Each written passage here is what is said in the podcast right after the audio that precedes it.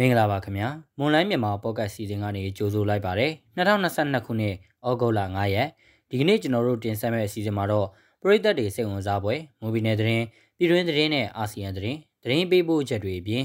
ပြည်သူတွေတည်ထားတဲ့နေ့စဉ်ကုန်စည်နှုန်းသတင်းတချို့ကိုအစီအစဉ်ပထမပိုင်းမှာရွေးချယ်ပြီးတော့တင်ဆက်ပေးတော့မှာဖြစ်ပါတယ်ဒါအပြင်ရခိုင်တပ်တော် ULA/AA နဲ့ရခိုင်ပြည်လွတ်မြောက်ရေးပါတီ ALP တို့အကြားပူးပေါင်းဆောင်ရွက်စရာလမ်းကြောင်းမရှိဘူးဆိုတဲ့သတင်းပေးပို့ချက်ကိုတင်ဆက်ပေးပါဦးမယ်။ဒီနေ့စီစဉ်မှုကတော့ကျွန်တော်ခန့်မှန်းသူကတောင်းယူတင်ဆက်ပေးတော့မှာဖြစ်ပြီးကျွန်တော်နဲ့အတူမိရိုင်းဘလော့ကသတင်းတွေကိုကူညီဖတ်ကြားပေးတော့မှာပါ။ နားဆင်ကြတဲ့ပရိသတ်အားလုံးကိုမင်္ဂလာပါလို့နှုတ်ခွန်းဆက်တာပါစေ။ကျမမီအိုင်ဘလော့ကကိုခက်မြတ်သူနဲ့သူကူညီတင်ဆက်ပေးသွားမှာပါ။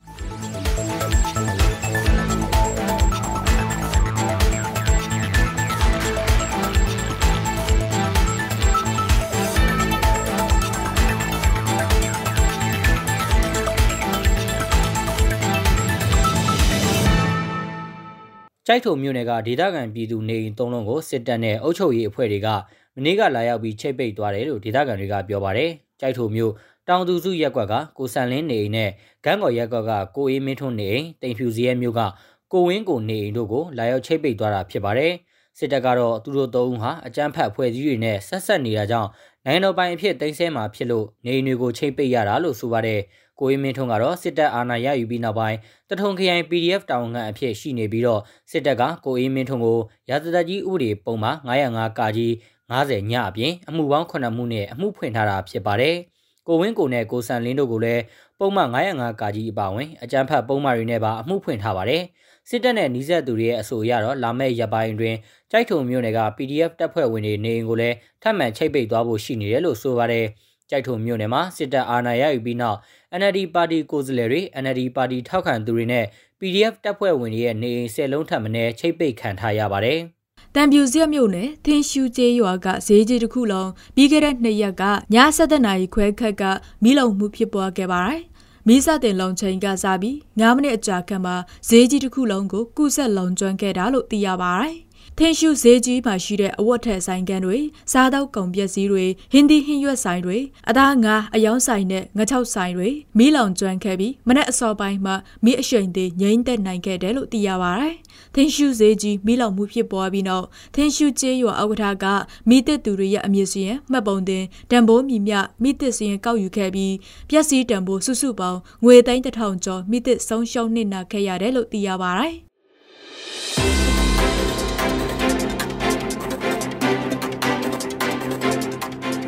ကျွန်တော်တို့ရဲ့ online မြန်မာ podcast မြန်မာဘာသာအစီအစဉ်ကိုအားပေးနားတော်တာဆင်ကြတဲ့ပရိသတ်များခင်ဗျာကျွန်တော်တို့အတန်လွင့်အစီအစဉ်ကနေပြီးတော့ဝန်ပြည်နယ်မှာဖြစ်ပျက်နေတဲ့သတင်းတွေပြည်တွင်းငြိမ်းချမ်းရေးဖြစ်စဉ်တွေအပြင်မြန်မာနိုင်ငံသတင်းနဲ့အာဆီယံသတင်းတွေကိုအပတ်စဉ်တင်လာနေကနေတောက်ကြနေမှာည9:00နာရီအချိန် Moon News Agency Facebook စာမျက်နှာမှာဝင်ရောက်နားဆင်နိုင်ကြလို့ online မြန်မာ podcast စာမျက်နှာမှာလည်းဝင်ရောက်နားဆင်နိုင်ပါပြီအားပေးကြတဲ့ပရိသတ်များအားလုံးကိုကျေးဇူးတင်ပါတယ်ခင်ဗျာ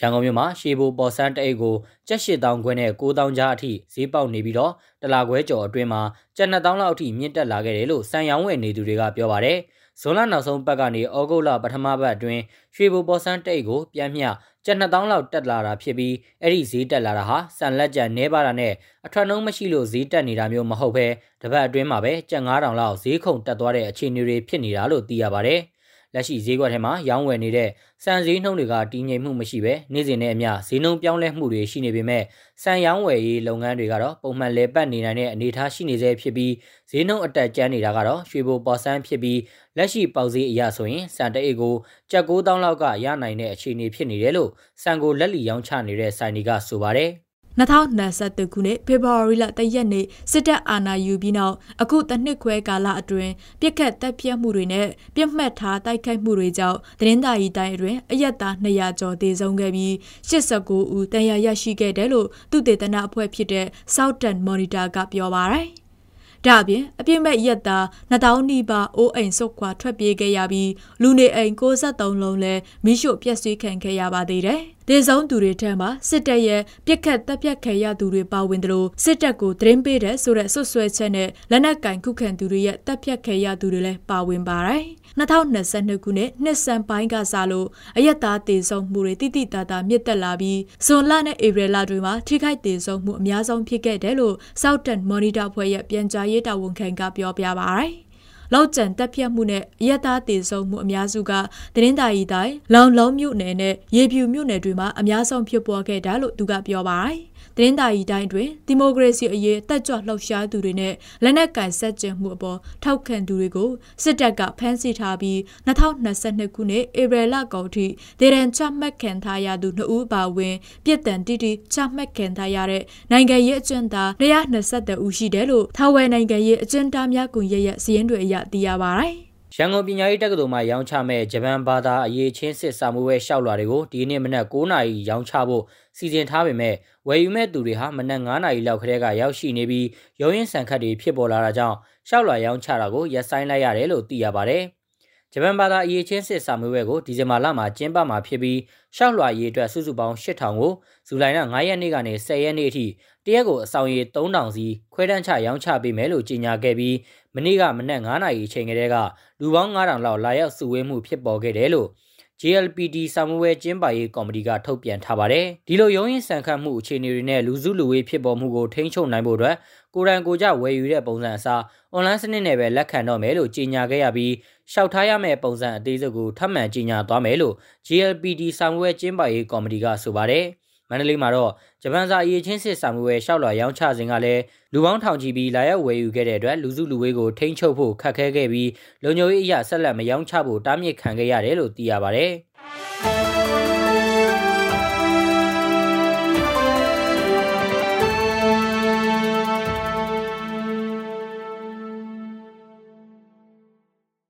ဆက်လက်ပြီးတော့ပြည်သူတွေတည်ထားတဲ့နေ့စဉ်ကုန်စည်နှုန်းသတင်းချို့ကိုမော်လမြိုင်ကုန်စည်တန်းကအချက်လက်တွေကိုအခြေခံပြီးဆက်လက်တင်ဆက်ပေးပါဦးမယ်။ဒီနေ့ထိုင်းနဲ့မြန်မာငွေလဲနှုန်းကတော့ထိုင်းဘတ်81ဝယ်ဈေးရှိပြီးရောင်းဈေးကတော့84ကျပ်ရှိပါတယ်။ဒေါ်လာဈေးကတော့အမေရိကန်ဒေါ်လာကိုဝယ်ဈေးမြန်မာငွေ2620ရှိပြီးတော့ရောင်းဈေးက2660ရှိပါတယ်။ ရွှေဈေးနှုန်းကတော့မီလင်း16ပဲရေတစ်ကြက်သားကိုရန်ကုန်ရွှေအသင်းဒီနေ့ဈေးကွက်မှာတော့20သိန်း8100ရှိနေပြီးအပြင်ပေါက်ဈေး23သိန်းအထက်မှာရှိနေပါတယ်။73စီဈေးတွေကတော့ဒီဇယ်1လီတာကို2040ကျပ်အောက်တိန်92တလီတာကို1980နဲ့95တလီတာကို1850ရှိနေပါတယ်။ စံစည်းနှုန်းကတော့အကောင်စားပေါ်စံမွေ108ပေါင်ကိုအမြင့်ဆုံး9900ကျပ်အလဲလက်တန်းစံအမျိုးအစားပေါ်ကျွဲသစ်108ပေါင်ကိုအနိမ့်ဆုံး4200ကျပ်နဲ့အမထစံတွေကတော့108ပေါင်ကိုအနိမ့်ဆုံး3300နဲ့အမြင့်ဆုံး38500အထိရှိနေပါတယ်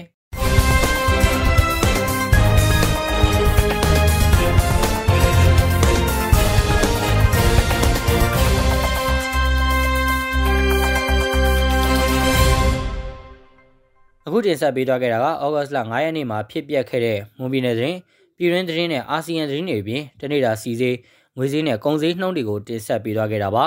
ဆက်လက်ပြီးတော့ရခိုင်တပ်တော် ULA AA နဲ့ရခိုင်ပြည်လွတ်မြောက်ရေးပါတီ ALP တို့အကြားပူးပေါင်းဆောင်ရွက်စရာလမ်းကြောင်းမရှိဘူးဆိုတဲ့သတင်းပေးပို့ချက်ကိုစတောင်းနွန်ကတင်ဆက်ပေးပါဦးမယ်။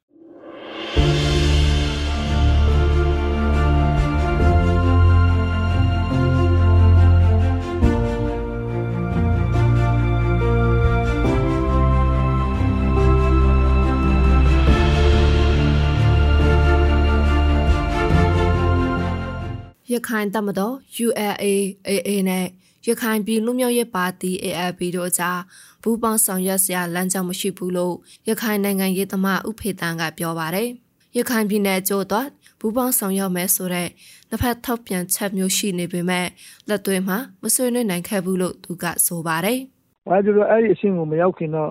အမျိုးသားရေးအတွက်ပူးပေါင်းဆောင်ရွက်တယ်ဆိုရင်တော့ဟောဒါလုပ်တင်တယ်လို့မြင်တယ်။အဲတကယ်ကနှစ်ဖွဲ့တစ်ဖွဲ့ဖြစ်အောင်ကြည့်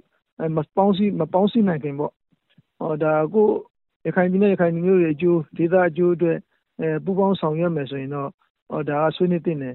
အဲလှုပ်လဲလှုပ်တင်တယ်လို့မြင်တယ်အဲမဲ့ရေရှည်မှာတော့အာတစ်ဖက်ကအင်အားက0လောက်ပဲရှိတော့အဲ့ဒီဒီဘက်ကလည်းအထင်မကြီးဘူးလေပြည်သူတွေကလည်း ULA လက်နက်ကန်အင်အားအများကြီးအများနဲ့ရခိုင်ပြည်နယ်ကိုထိန်းထားတဲ့အဲ ULA ကိုပဲပြည်သူတွေကအားပေးတယ်ဝိုင်းဝန်းထောက်ခံတယ် သဘောကျတယ်ပေါ့အဲ့လိုအခြေအနေမျိုးမှာဒီဘက်ကလည်းနှစ်ပါတီပေါင်းပြီးတော့တစ်ပါတီဖြစ်အောင်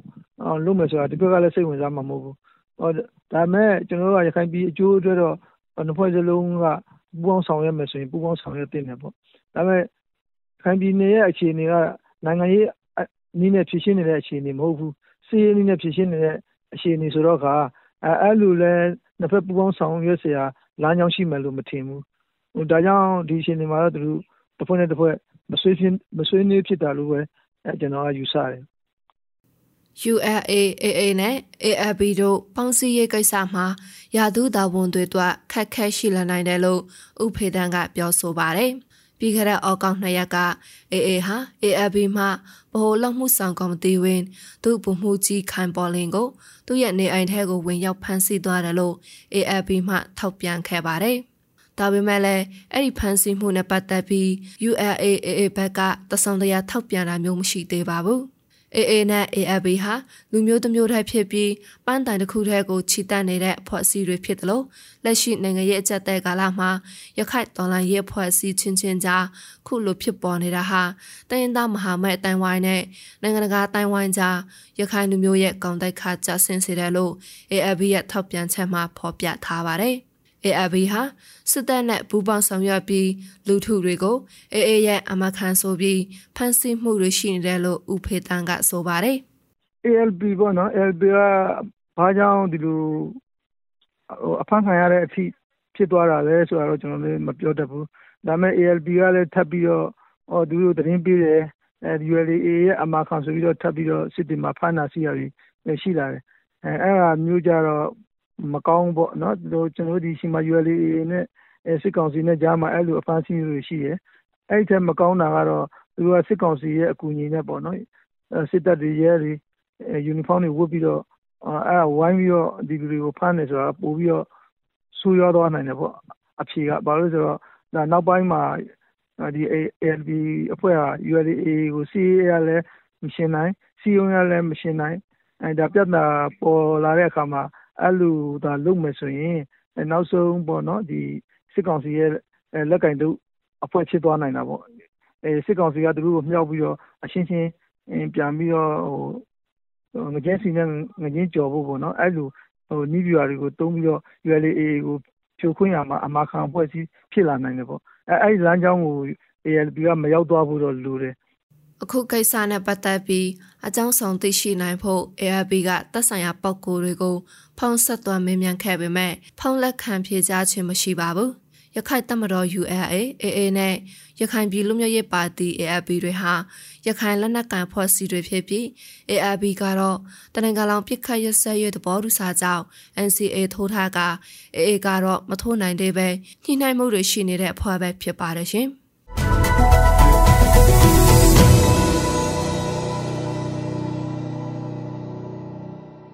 ကျမတို့ရဲ့မလဲမြန်မာပေါ့ကတ်အစီအစဉ်ဒီမှာအတင်ပြီးဆုံးပါပြီ။နားဆင်ကြတဲ့ပရိသတ်အားလုံးကိုနောက်နေ့အစီအစဉ်တွေမှာဆက်လက်အားပေးကြပါအောင်လို့ဖိတ်ခေါ်ရင်းအစီအစဉ်ကိုအဆုံးသတ်ပါရစေ။အားလုံးကိုကျေးဇူးတင်ပါရရှင်။